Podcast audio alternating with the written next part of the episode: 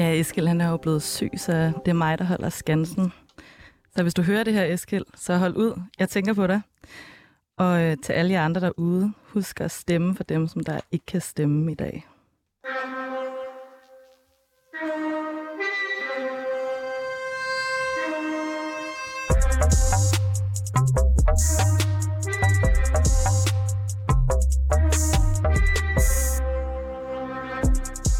Mit navn er Eskil Halberg, og jeg kalder mig selv for kommunist. Jeg længes efter et andet samfund, hvor vi kan være frie i fællesskab. Jeg hedder Laura Henna Blankholm, og jeg er lidt skeptisk over at kalde mig selv for kommunist. Men jeg tror på, at forandringer skal skabes nedefra. Vi er begge vokset op i den neoliberale kapitalisme som den eneste virkelighed. Men vi lever også i en tid med krise og voksende global ulighed over alt, hvor vi kigger hen. Derfor må vi lave det hele om, og derfor må vi arbejde for en revolution. Sammen med eksperter, aktivister, kunstnere og kammerater har vi sat os for at genformulere en kommunisme for det 21. århundrede. En kommunisme med klassekamp, klimakamp og kamp mod racisme. Men hvad betyder revolution egentlig? Hvad kan vi tage med fra historien, og hvad skal vi efterlade? I programmet jagter vi det mod og begær, som ulmer over alt. Vi skal finde ud af, hvad der skal rives ned, forløses og bygges op. Vi kommer til at tale om, hvordan et nyt samfund skal se ud, og hvilke strategier vi skal bruge for at nå derhen. Med andre ord skal vi hver tirsdag mødes i et værksted for revolutionen. Vi har kun vores lænker at miste, men en verden at vinde. Velkommen til Revolutionen, en verden at vinde. Jin Jian Azadi, kvinde, liv, frihed. Der foregår en revolution i Iran lige nu, som er ført an af kvinder. Vi har set videoer af kvinder, der brænder deres hijab og klipper deres hår af, og teenageelever, der gør skolegården til en kampplads med slogan som kvindeliv, frihed og død over diktatoren. Det er 45 dage siden, at den 22-årige kurdiske kvinde Gina Masa Amini blev dræbt af det iranske moralpoliti for ikke at bære sin hijab korrekt. I 45 dage der har folket trodset myndighederne og gået på gaden, selvom det er med livet som indsats. Protesterne de har nu spredt sig fra skolegårdene og universiteterne til strække blandt oliearbejderne. Og revolutionen er altså ikke længere kun en kvindekamp, men det er blevet en bredere kamp med krav om frihed. Den 29. oktober der blev der annonceret endnu en strække blandt oliearbejdere i solidaritet med oprøret mod det undertrykkende regime. Og vi er jo på jagt efter en revolution i det her program. Øh, vi vil vide, hvordan starter det, hvordan kan man vedligeholde det, og hvordan leder det til veje politisk forandring. Og derfor der spørger vi i dag, hvordan skal vi hjælpe det iranske folks kamp for frihed på vej? Eller måske er det omvendt. Hvordan kan de hjælpe vores revolution på vej? Velkommen til.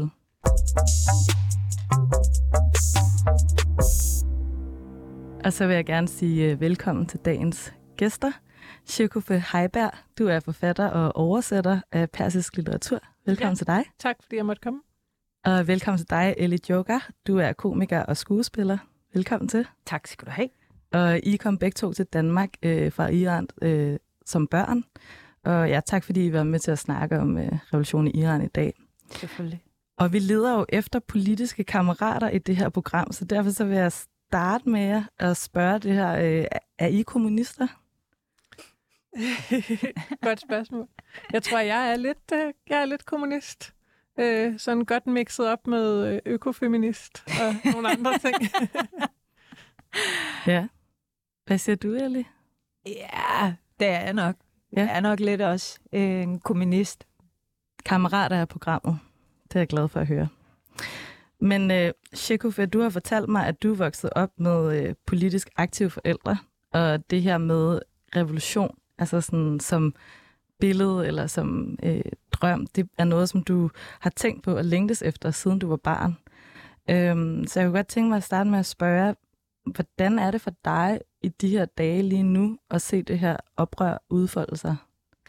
Ja, altså hvis jeg skal sige det med et ord, så er det endelig Altså, fordi det er jo noget, vi har gået, vi har jo gået og kigget og været på sidelinjen og set, hvordan tingene udspillede sig i Iran og tænkt, hvordan kan de holde det ud? Hvornår gør de oprør? Hvordan kan de leve med det i så lang tid? Mm. Så, så vi har både tænkt, jeg har både tænkt, hvornår kommer det her oprør, men også selvfølgelig haft forståelse for, at, at øh, der er enorme ofre forbundet med at gøre det oprør. Så det er, det er en, en kæmpe lettelse, at det kommer nu rent faktisk. Og hvordan, altså ud over den her lettelse og ud over den her sådan at det er noget, som du har gået og ventet på. hvordan er det så for dig at se de her billeder og høre om, hvad der foregår? Jamen, det er kæmpe stort. Det er historisk, altså jo både objektivt set, men også for mig personligt, fordi jeg har nemlig længtes efter en revolution, der rent faktisk virker, der ikke bare er snak. Mm. Så det at se, hvordan det spiller sig ud, og hvad, hvad metoderne er, og hvordan den sådan udvikler sig og har forskellige faser, mens at vi kan følge, følge det i realtid, det er jo det er helt unikt, helt specielt. Og hvordan er det for dig, Ellie, at se de her billeder og de her begivenheder? Og jeg synes, det har været en, en rusjebane. Øh, det er nok den bedste måde, jeg kan beskrive det på, fordi i starten var der en masse sorg. Det, man var ked af det og frustreret, og, og så blev det med tiden til sådan håb, og det er sådan, ja, der sker noget, og mm. stadigvæk nu fortsætter det jo. Øhm, så jeg tror, at den følelse, jeg sidder med i dag, det er nok en yes altså som du også var inde på, ikke? Og, og sige, endelig, altså de holder ud, de bliver ved, de stopper ikke. Og, og det gør vi heller ikke, som sidder på den anden side af, af Iran. Øhm, så, så jeg tror, at det er en fælles ting, vi alle sammen. Det, det, det, det, det er enormt vigtigt for mig at fortælle, at som herboende iraner, er man følelsesmæssigt over de sidste nogle af 40 dage været meget, meget påvirket. Øh, jeg har været meget ked af det. Jeg har været enormt øh, ked af hele situationen dernede, og det her med at føle sig magtesløs også. Øh, og så er det bare skønt at se, hvordan at iranere herboende, hvordan man sammen løfter landet og står op hver eneste uge, står hver uge til demoer, og folk samles, folk protesterer, folk går imod regimet i Iran. Så der har også været en, en større følelse af forbundethed og sådan samhørighed? Meget. Det ved jeg ikke, hvad du, mm. hvad, hvordan du oplever det. Jeg føler i hvert fald, at mange iranere, som bor her, også øh, mixet iranere, som er halv-halv, altså lige pludselig så er du blevet eksponeret for nogle mennesker, som, som kæmper for det samme. Vi vil alle sammen det samme. Vi står forhåbentlig alle sammen under det samme flag med det samme mål, og det er frihed for de mennesker, der bor i Iran. Og, og støtte til alle de unge, øh, der er dernede, eller de ældre, i alle dem, der kæmper, kvinde, mand, børn, voksne. Ja, og vi har en ret speciel historie, ikke? Altså som, øh, som eksilbefolkning, mm. at vi er alle sammen kommet hertil med forskellige bevæggrunde og forskellige politiske baggrunde. Det har også ført til, at der har været enormt meget sådan splittelse, ja. sådan som jeg har oplevet det i eksilmiljøet. Mm. Så jeg, jeg øh, har lært en masse iranere at kende bare i løbet af de sidste 45 dage, ja. hvor jeg har tænkt, hvor, hvor var du? ja. Fordi vi så meget var i hver, altså hver vores cirkler. Ja. Så nu er der den her forbundethed, hvor vi lægger vores forskelle altså, øh, bag os, eller hvad man kan sige, og samles om et, et fælles krav ja. om frihed. Så der er også noget med at få øje på hinanden, og ligesom se den her genkendelse, og så være en del af noget større, øh, et fællesskab. Øhm, vil I fortælle lidt om, hvordan I har fulgt oprøret de sidste 45 dage? Altså, hvordan, hvordan har det fungeret for jer? Øhm, jamen, jeg har altså faktisk også nu, du nævner sorgen, ikke? Da jeg hørte om det første gang, jeg fik beskrevet, hvordan uh, Gina og Mahsa Amini blev myrdet, øh, der havde jeg det sådan, jeg kunne næsten ikke følelsesmæssigt tage det ind. Jeg tænkte, et, ikke, en, ikke flere af de her sorgrige historier, som man skal bære øh, med sig. Så jeg startede med at have en, en modstand mod det, sådan helt da jeg hørte det i starten. Men så kunne jeg mærke, at det her, det var mere end bare en tragedie. Det var også, altså folket skubbet på. Øhm, og så det gav mig gejst til ligesom at, at være med til det, og jeg tænkte, hvad er det, jeg kan? Jeg kan oversætte. Så bare den simple ting, bare det at se sig selv som en lille aktør i en meget større bevægelse. Altså, jeg, jeg kan gøre det, jeg kan. Jeg kan videreformidle det her til, til mit danske netværk, og så er jeg bare gået i gang med det, sådan helt stille og roligt. Altså, du har oversat øh, nyhedsopdateringer eller andre kilder ja. fra Iran? Jeg har oversat slogans, og jeg har oversat nemlig nyhedsbeskrivelser, som har været på persisk, eller tweets, eller sådan her og nu opdateringer. Så jeg har, jeg har bare jeg har tænkt, at vi har alle sammen en rolle i det. Der er dem, der er på gaden, der er dem, der øh, står klar med mad og forbinding og sådan bagved. Der er dem, der sørger for at videreformidle fortællingen, og vi har alle sammen en vigtig rolle at spille. Så det gør jo også, at man automatisk bliver mere engageret, fordi man så sætter sig ind i det. Ja. Ja, hvordan har det været for dig, Elias? Altså, hvordan har du fulgt begivenhederne og Øhm, altså, jeg har fulgt dem ligesom alle andre iranere, tror jeg. Øh, øh, og folk, der ser det, der sker dernede, det er jo på sociale medier. Det er jo de steder for familie. Jeg har haft en fætter, der var på ferie dernede, da det hele startede. Okay, ja. Øhm, så, så han var ligesom min go-to-person på det tidspunkt, fordi han bor også her. Øhm, og så er det familie, øh, som jeg holder mig i kontakt med, for ligesom at få en fornemmelse af, at de er okay, sker der noget, og hvor tæt er det, altså hvor tæt er det hele kommet nu. Øhm, så det er den måde, jeg holder mig opdateret. Ja.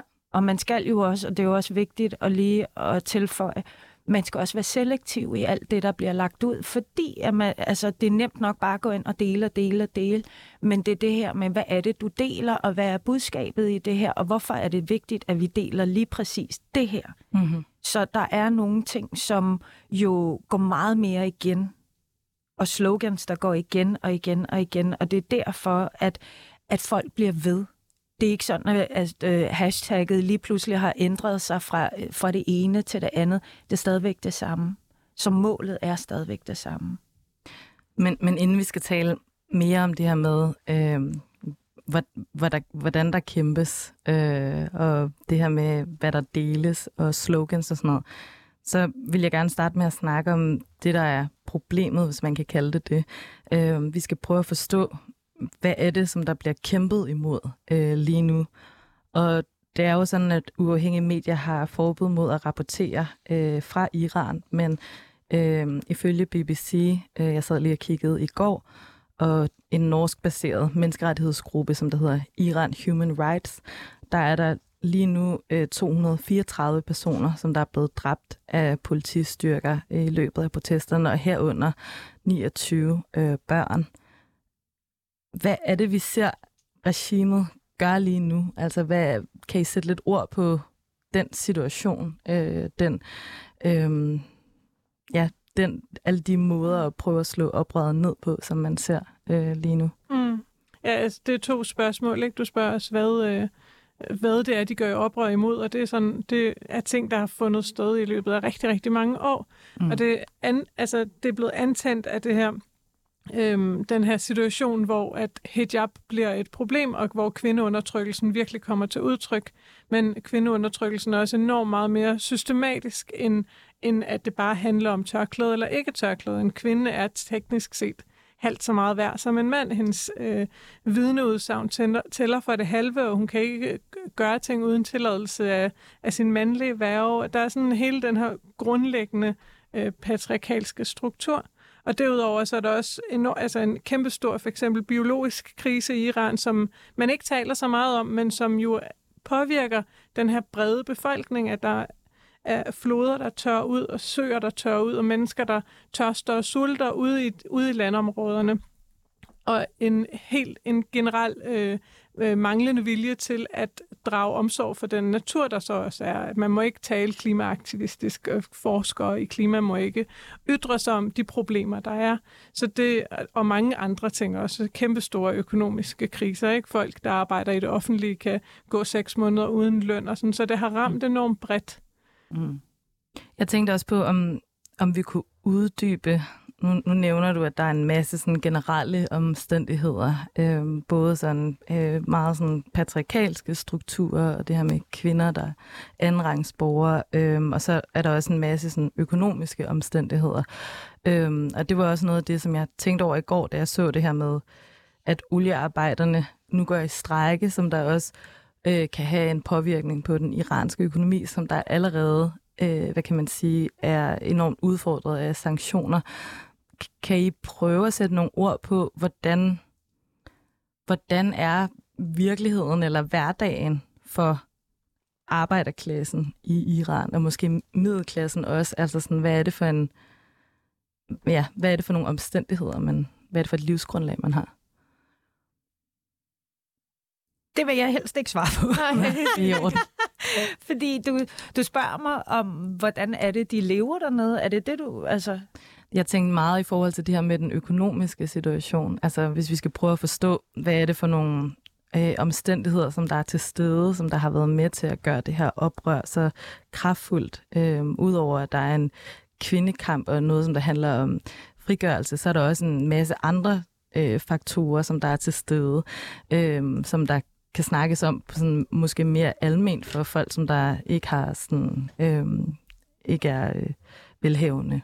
Jeg tror, en af de ting, når du, når du nævner oliearbejderne, der går i strejke, det er hjertet. Altså, det er hjertet på Iran sammen med militæret.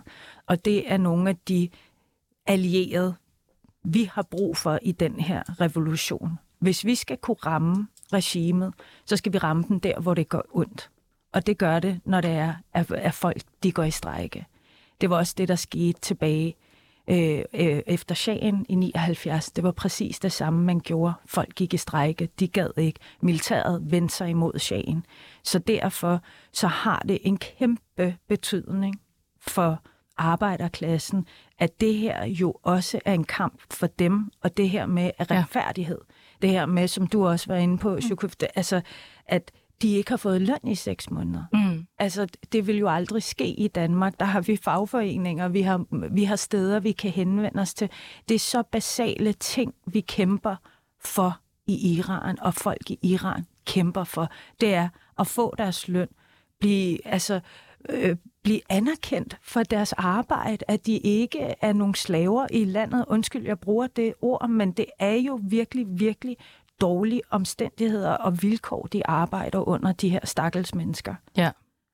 ja. Og vi sidder og kigger på fra Vesten og køber olien fra de her lande, handler med Iran. Velviden, at de her mennesker, der er under det her islamiske styre, bliver undertrykt, om du er oliearbejder, om du er kvinde. Det, at du er i det samfund, og ikke er en del af, nu siger jeg, eliten, ja, ja. så er du rimelig, øh, du er rimelig øh, hjælpeløs. Ja. Mm.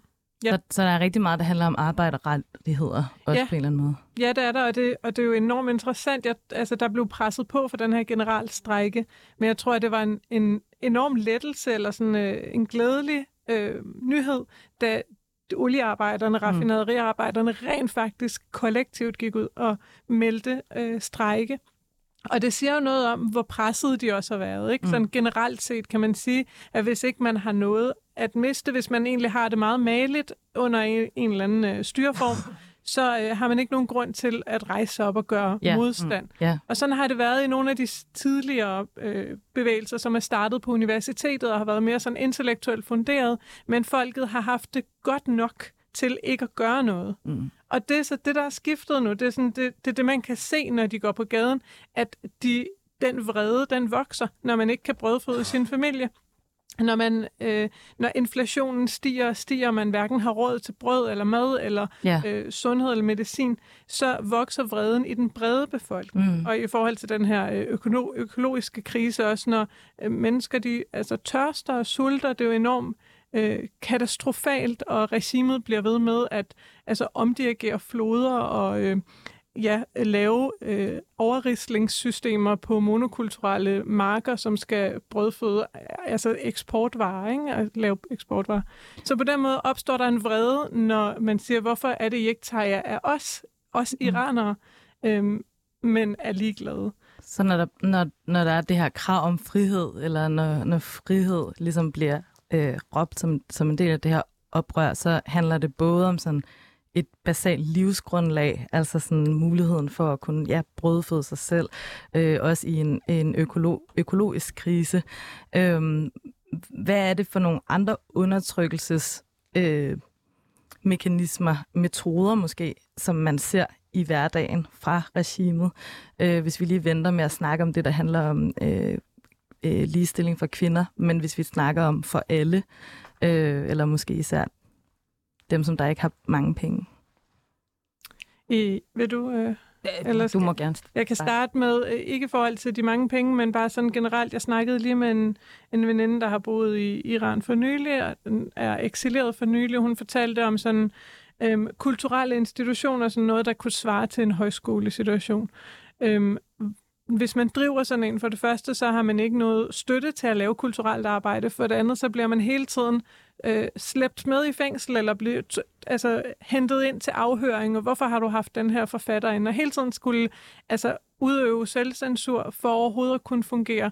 Så alle de her kulturelle institutioner, også ting, der er tiltænkt børn, og sådan, kan ikke få lov til at ånde og leve frit. Så der er sådan en enorm forkrampet øh, hed i forhold til at kunne altså, have det liv, man gerne vil. Ikke? Kvinder må ikke synge, og alle former for sådan udfor, udfoldelse af, af glæde er forbudt, og det rammer jo helt almindelige mennesker. Ja, jeg har et, øh, et meget øh, aktuelt øh, eksempel. Øh, nede i Iran, der kan vi ikke stifte partier, som vi kan herhjemme. I dag, der har vi en meget, meget, er det jo en stor dag, hvor vi alle sammen har folketingsvalg, mm. og vi skal ned og afgive vores stemme. Det eksisterer ikke for iranske befolkning.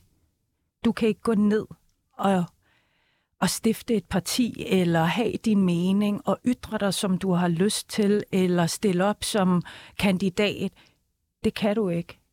Og det er derfor, at når du spørger den helt almindelige iraner, der bor dernede, hvad, har, hvad er det, de går glip af? Alt det her går de glip af. Og det er noget af det mest basale, vi som mennesker burde have friheden til selv at vælge, hvad vil jeg gerne støtte op omkring. Og det er lige meget, om du er mand eller kvinde. De, Så eller en, en ekstrem øh, pol, altså begrænsning i sådan pol, politisk handlerum og, og valgfrihed og Jamen, deltagelse. Og... Ja, bare det her med, at vi i dag så har så stor en demokratisk dag, hvor at vi alle sammen skal ned og kan selv bestemme, om jeg vil stemme blå, rød, lyserød, hvad det nu end er.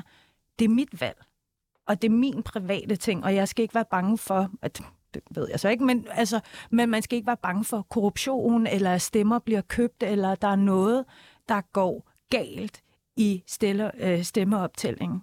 Altså, der, der er vi bare et andet sted, og det har man ikke nede i Iran. Så bare det, synes jeg, tegner det ret godt op, og det er mm. derfor, at øh, en dag som i dag, synes jeg er super vigtigt at opfordre alle til at gå ud og bruge deres frihed til at stemme på det parti, eller stemme blankt. Bare det at gøre det. Ja. Nu vil jeg gerne øh, uddybe øh, det her, du sagde, øh, Shakuffe, med øh, andenrangsborgere, mm. øh, fordi at i går, der var der også indkaldt til øh, mindehøjtidlighed, fordi det var 40 dage siden, at den 16-årige øh, Sarina Esmaizadeh, jeg ved ikke, hvordan man siger det, øh, blev dræbt. Og inden hun blev dræbt, der satte hun i en video ord på noget af, noget af den sådan, øh, kulturelle undertrykkelse, som øh, kvinder oplever. Og det her med at være andenrangsborger. Hvordan kommer det til udtryk, at kvinder bliver gjort til andenrangsborgere, øh, hvis vi... Nu har der været rigtig meget, der handlede om det her med at bære tørklæde eller ikke, men kan I komme med nogle eksempler på, hvordan det ellers er? For kvinder generelt, hvad det er, de ikke må. Det, det, er, jo, det er jo skrevet sort på hvidt ned i Iran, hvad det er, de må og hvad de ikke må. Du som kvinde må for eksempel ikke tjekke ind på et hotel, uden at have en ledsager, som er din mand. Det, det kræver, altså, det er helt basale ting. Øh, på universiteterne må piger og drenge ikke sidde i samme spisesal.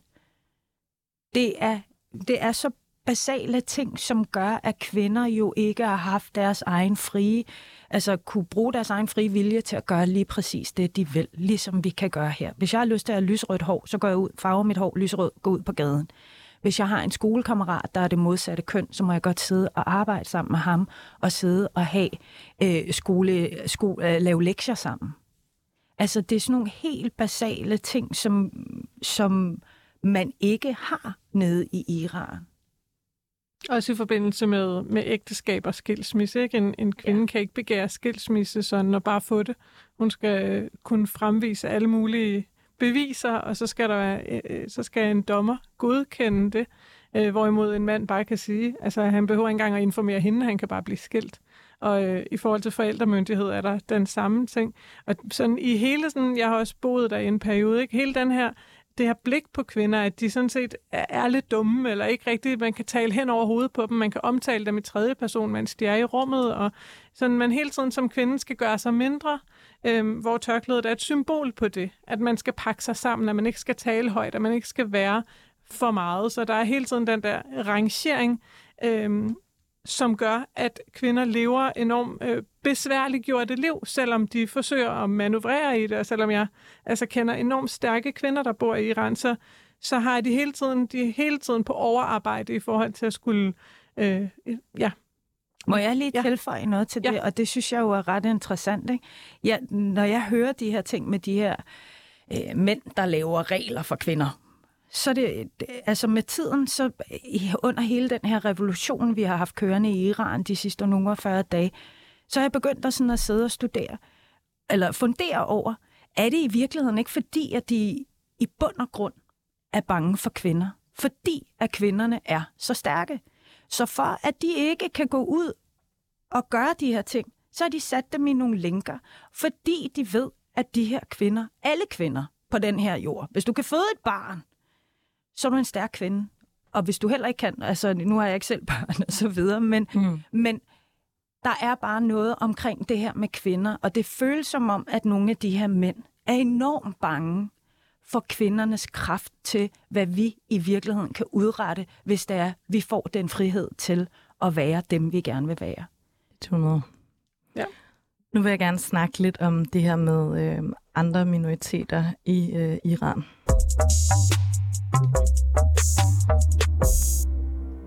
Fordi jeg vil bare lige øhm, vende det her med, at Gina, som der er jo blevet slået ihjel, og ligesom var, hvad kan man sige, den, det var den begivenhed, der var katalysatoren for hele oprøret, at hun jo var en kurdisk kvinde. Øhm, og på den måde kan man måske snakke om, at der er nogle øhm, øh minoriteter, der er mere udsatte i Iran end andre, for eksempel det kurdiske mindretal.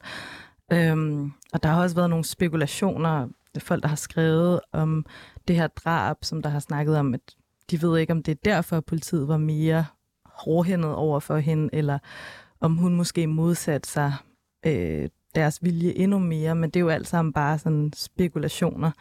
Øhm, men der findes altså også den her øh, koloniale mentalitet over for det kurdiske mindretal. For eksempel så er det ikke tilladt at have øh, kurdiske navne. Øhm, og vi har også set, hvordan at øh, ja, Ginas øh, kurdiske navn er blevet, hvad kan man sige, mm, øh, udvisket øh, i omtalen af hende. Øhm, og så er det det her med det her slogan, kvindeliv, frihed, som der første gang er blevet råbt af kurdiske kvindebevægelser på kvindernes internationale kampdag i Tyrkiet i 2006. Og ligesom at vi så for 10 år siden i Rojava-revolutionen, der var det her kald for frihed øh, meget centralt. Øh, og det var der, hvor det sådan spredte sig også til, til resten af verden. Og øh, nu er det ikke fordi, jeg siger, at I skal være eksperter på alting, men jeg vil bare gerne høre jer, om I ved noget om sådan, hvordan at, at man som, som kurdisk mindretal oplever den her undertrykkelse, som vi har talt om før. Er det, er det anderledes? Mm. Altså, jeg tror, jeg, jeg vil sige, altså for det første, så skal man anerkende den undertrykkelse, der har været af det kurdiske mindretal, og også af altså det afghanske mindretal i Iran, og sådan, iranere går ikke fri af racisme. Øh, virkelig ikke.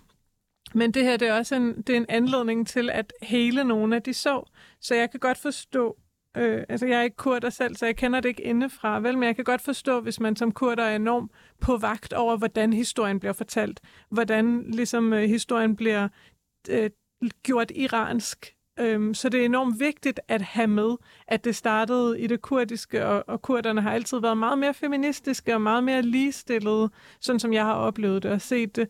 Øhm, ja, der har ligesom bare i deres øh, modstandsbevægelser har der altid været kvinder og mænd på lige fod, og så der er enormt meget at hente kulturelt set fra den måde, det kurdiske mindretal fungerer på.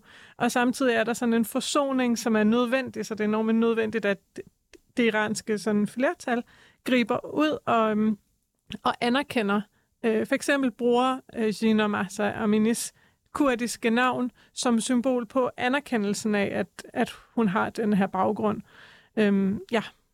Så der er på en eller anden måde også en, en åbning i forhold til det spørgsmål, øh, altså sådan racisme øh, i Iran, som der er en del af det her oprør nu. Ja, i forhold til, ja. ja. Også i den her sang, Badrige, som vi hører senere, der bliver der talt om de afghanske børn. Mm. Altså det her med at gå væk fra den her sådan meget kynisk, patriarkalske øh, rangering af mennesker, mm. hvor kvinder er under mænd, men afghanere er også under, kvind- under iranere og kurder. Så gå ind og ligesom øh, hele øh, det hele på én gang. Det er sådan et kastesystem, ikke? Altså ligesom i Indien, hvor at det er sådan... Øh, og jeg har altid brugt Iran i samtaler, når det er, vi taler racisme, fordi jeg synes, at øh, den måde, vi har behandlet afghanere for eksempel, har været uacceptabelt. Øhm, så, og, jeg, og jeg giver dig ret i i forhold til de kurdiske øh, altså undertrykkelser. Der, jeg ved ikke så meget omkring, hvor meget det, det, har, det har været nede i Iran, men jeg håber, at iraner, vi alle sammen kan stå under det samme flag, om du er kurdisk iraner, tyrkisk iraner, øh, hvad du nu er, at vi alle sammen står sammen. Fordi det, det, det værste vil jo være, at hvis det lige pludselig altså endte med, at folk begyndte at kæmpe imod hinanden, og vi skal anerkende, at altså de kurdiske iranere, der har været, der har været nogle ting, men forsoningen, som du også er inde på, er super vigtig. At vi holder sammen og kæmper for det samme, og det er frihed. Så, så det er vigtigt at, at huske, at der har været, mm. og stadigvæk er desværre rigtig meget undertrykkelse. Ikke? Ja. Kurderne er jo super, øh, hvad hedder det, stolte. Altså mm. til demoer, der ser du, de kommer jo med deres flag, deres traditionelle klæder, for det må de jo heller ikke bære nede i Iran, har jeg ligesom og, har jeg en overbevisning om, fordi i den her revolution har jeg jo set kvinder gå med deres kurdiske outfits på gaderne, hvor de bliver filmet, fordi det er ikke noget, de må bære i det offentlige. Det er også bare for at, at, ligesom at give et eksempel på, hvordan de også har været undertrykt. Mm. Øhm, jeg håber, den her revolution kan binde os alle sammen sammen. Ja. Og det kræver noget af, af os iranere, kan mm. man sige. Ikke? Altså, der er sådan noget internaliseret kolonialisme, ligesom vi har i, i, en da, i dansk regi, så bliver vi også pludselig nu konfronteret med internaliseret kolonialisme, som vi bliver nødt til at gøre op med. Så når, vi, når, vi, når jeg sidder og læser, at jeg faktisk skal bruge et andet navn, end det jeg har brugt, eller sådan, så, så bliver jeg nødt til også at tage det ind og sige, okay, jeg har også været en del af en undertrykkende struktur, altså selvom jeg ikke ville det. Øhm, og det er en del af forsoningen, at, at vi ser kollektivt i øjnene, hvordan vi har været med til den undertrykkelse. Mm. Det giver rigtig god mening, det her med, når der er andre ting, som der er i opbrud altså i, i samfundet på én gang, at det her også er noget af det, som der kommer øh, frem, øh, og sådan øh, på en eller anden måde kan blive øh, genforhandlet. Men nu skal vi til at øh, tale lidt om, sådan, øh, hvordan historien af revolutioner i Iran ser ud.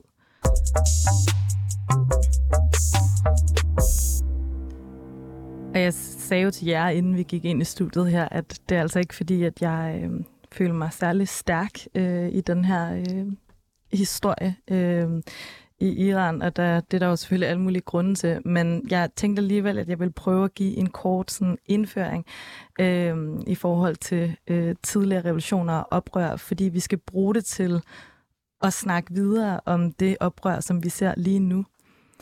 Øhm, så jeg har skrevet det ned her for at prøve at huske de vigtigste ting. Men altså, Irans historie har været ret øh, tumultarisk siden kuppet mod den demokratisk valgte præsident Mossadegh i 1953. Og US-amerikanerne og britterne, de forstærkede efterfølgende Shahen Pahlavis magt. Og så i 1960'erne og 70'erne, der så vi, hvordan at den her daværende leder, Shahen, mødte modstand både fra øh, religiøs fløj, og også en urban middelklasse, som der altså ikke længere vil have et monarki, øh, fordi at det var en, en øh, styreform, som der kun til gode så eliten. Så så vi i 1978, hvordan den her modstand mod Shahen, den begyndte at vokse, og der var en koalition, en bevægelse af både venstrefløjspartier og også religiøse islamiske kræfter, som der ligesom var forenet i en modstand mod Shahen og imod det her med, at USA havde så stor indflydelse i Iran. Øhm, og der begyndte herren at gå i oplysning, fordi der var nogle soldater, der nægtede at skyde på de demonstranter, som der var i gaderne. Og så i januar, der blev Khomeini indsat som den øverste leder i den islamiske republik. Og han faldt sin tidligere allierede i ryggen, og dem, som der var fra venstrefløjen, de blev enten dræbt eller fængslet eller måtte flygte.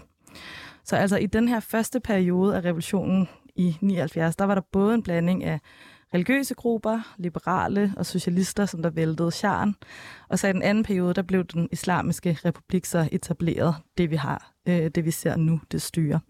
Og det styre, det har altså været relativt stabilt, med et massivt sikkerhedsapparat, som der overvåger befolkningen. Og så har vi tidligere set nogle andre protester. Øhm, der har været en kombination af det her med en middelklasse, der har været frustreret, og sanktioner, som der har ramt arbejderklassen, som der har skabt nogle af de nyere protester. For eksempel i 2009, der så vi øh, især middelklassen øh, protesteret i forbindelse med valg og valgsnyd i de store byer. Og så i 2017 og i 2019, der har vi også set protester, som der kom primært fra arbejderklassen, som der meget handlede om det her med stigning på benzinpriser.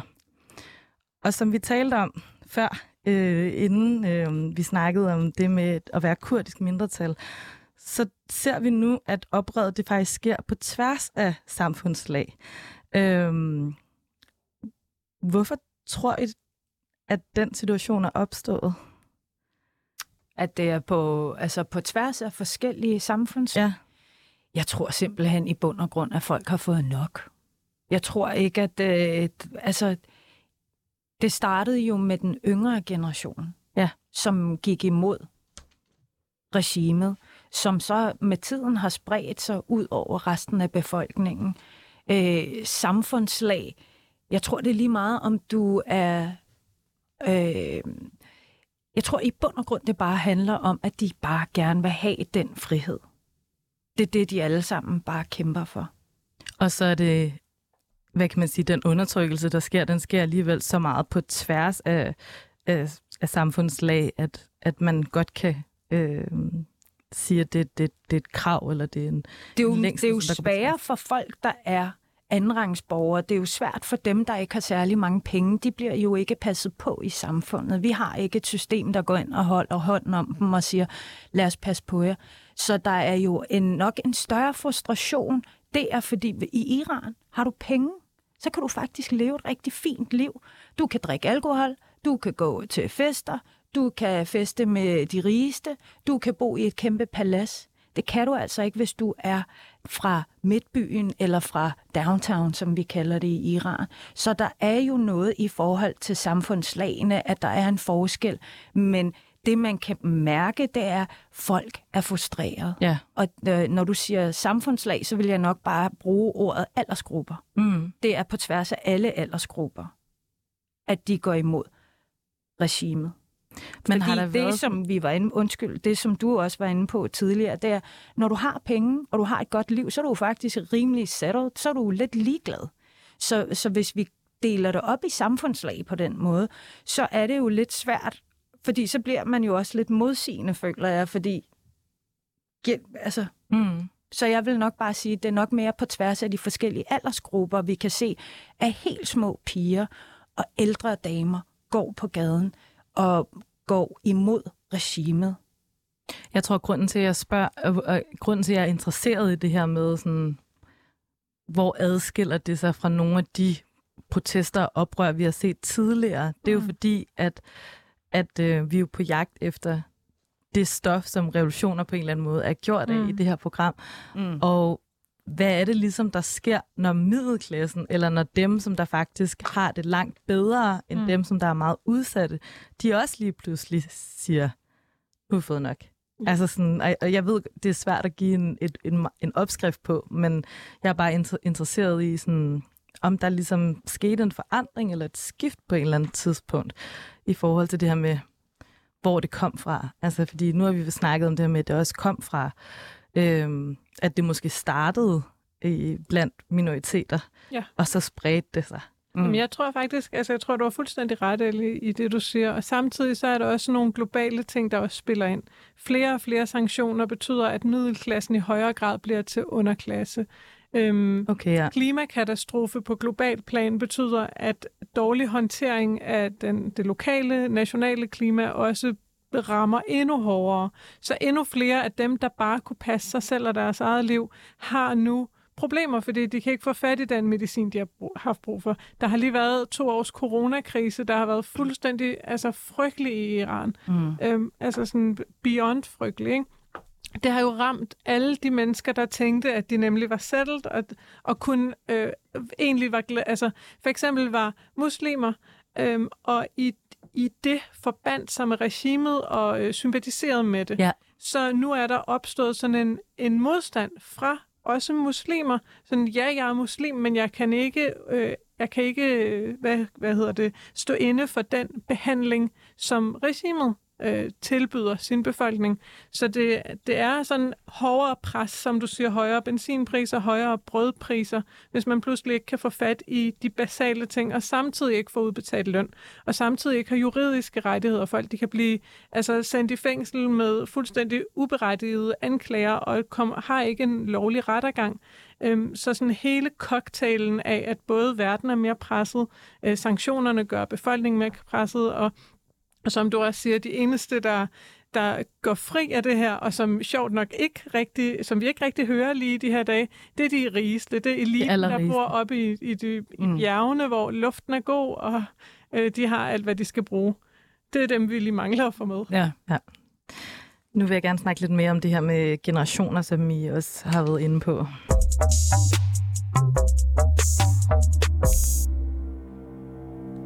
Fordi nu har vi jo hørt det her øh, sådan historiske oprids øh, ganske kort i forhold til øh, revolutionen i 79. Øhm, og grunden til, at jeg nævner det, er fordi, at jeg også godt kunne tænke mig at spørge jer om et skift i, om der er sket et skift i jeres forældres generation, altså dem, som der måske flygtede efter revolutionen i Iran for mere end 40 år siden. Øhm, fordi som, som, som I også har nævnt, og som jeg har set mange andre dele, så er der jo rigtig mange, der går på gaden nu, også i sådan diaspora i vestlige lande. Der var den her kæmpe demonstration i Berlin, hvor der var op mod 100.000 deltagere. Der var også busser, der kørte ned fra mm. øh, København. Og, øh, og der så jeg nemlig på øh, Aydin Suis øh, profil, øh, at han delte nogle opslag om hans mors reaktioner på oprøret, som jeg synes, der var meget rørende. Øh, Aydens familie også øh, selv flygtet, fordi de var politisk aktive. Og han skrev på de her opslag, at han spurgte sin mor og hendes veninder, hvad der er sket, siden de på få uger er gået fra at holde lav profil til, til pludselig at smide solbrillerne og råbe på revolution. Og der svarer hans mor så, vi kan ikke bare se til, mens de unge i Iran offrer deres liv. Vi var med til at vælte sharen, og så overlod vi den nye generation til det her regime. Mm. Samtidig med, at hun siger, jeg, jeg tror på det. Der vil være revolution igen. Øhm, så jeg kunne godt tænke mig at snakke lidt om det her med forældre, eller den el, gen, forældrene, øh, forældregenerationen. Øhm, om der ligesom, er, der, er det rigtigt, at der er sket det her skift med, at de havde måske oplevet, mange af dem havde måske oplevet sådan øh, muligheden for forandring, som der så ikke lykkedes. Um, og nu ser de, at der kommer det her oprør igen.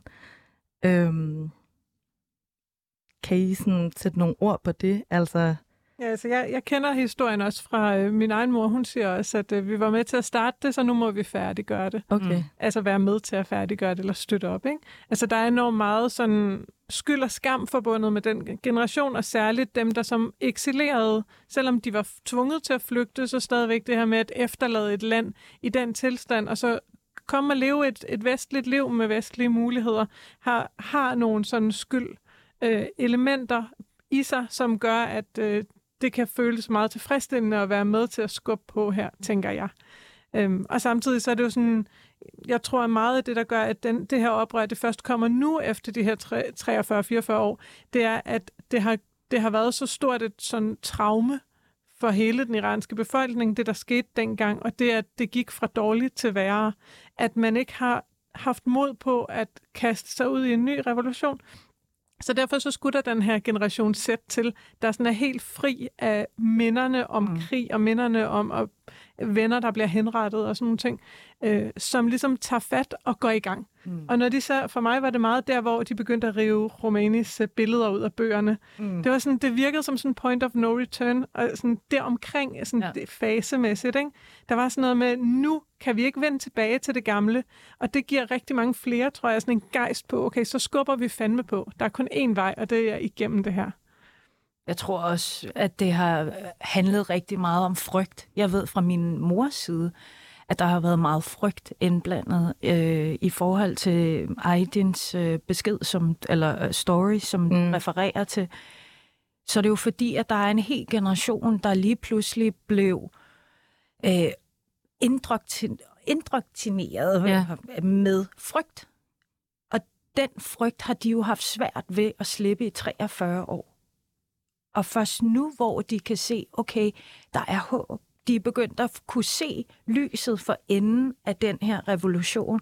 Og derfor tror jeg, jeg er ikke psykolog eller noget, men øh, det er derfor, jeg tror, at kvinder og mennesker, når de står til de her demonstrationer, at så står de med hovedet højt, fordi, som du også siger, point of no return. Nu er vi her, og nu bliver vi nødt til at kæmpe til det sidste.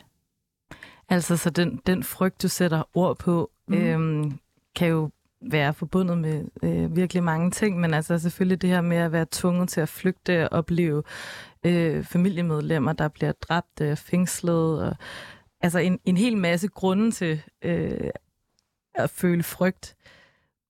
Men selvom man stadig ser, at regimet prøver at gøre alle de her ting lige nu, øh, vi hører jo en hel masse sådan forfærdelige ting, som der ligesom udspiller sig, så er den her frygt ligesom blevet overvundet. Mm. Eller der er noget, der er, der er skiftet på en eller anden måde. Gælder det også for, øhm, ligesom Aydin beskriver det her med, at, at man ikke længere er bange for sanktioner, eller er bange for at blive straffet for at udtale sig? Mm.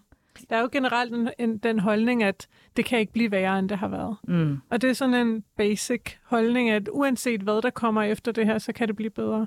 Og så tror jeg også, at frygten den kommer også til udtryk på den måde, at når modige unge mennesker de stiller sig op med livet som indsats, så ved vi, når vi sidder og kigger på det godt, at hvis vi er tavse, og hvis iranerne er tavse, så bliver der slået, altså så, så er det et blodbad, vi ser frem mm. til, ikke? Så, det, så bliver der slået så hårdt ned på det, at man, det tør man slet ikke tænke på. Så det er også det, der genererer altså motivation, tror jeg, og, sådan, og mod fra vores side, hvis man kan kalde det det i sådan en small scale, at vi kan se, at hvis ikke man gør noget, hvis ikke man råber op og er deres stemme og bliver ved med at holde sådan gryden i kog, så kommer det til at altså, føre til massakre. Og det er vi mm. bange for, og det er også den frygt, tror jeg, der sådan er med til at, at holde det her momentum, sådan, vi, altså sådan desperat følelse af, at vi må ikke slippe mm. det her mm. momentum. Og det er derfor, man også fortsætter, og vi fortsætter med at poste, i talesætte, bruge enhver lejlighed til at fortælle omkring, hvad er det, der i virkeligheden sker nede i Iran, og hvorfor er det, det er så vigtigt, at vi ligesom får, får videre, videregivet den rigtige besked om, hvad er kampen nede i Iran.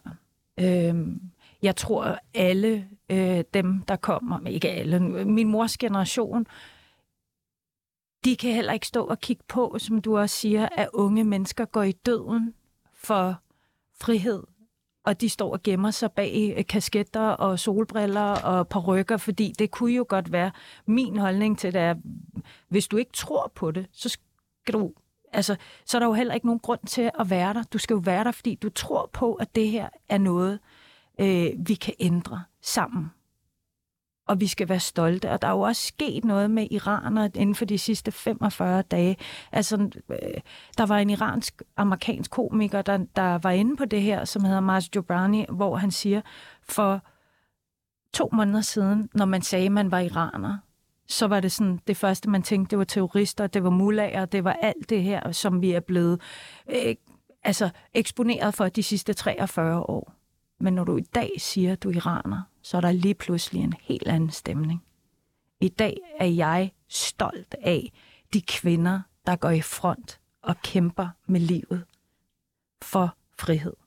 Det er den største feministiske kamp, vi har, kvindekamp, vi har. Og det er den, der foregår nede i Iran.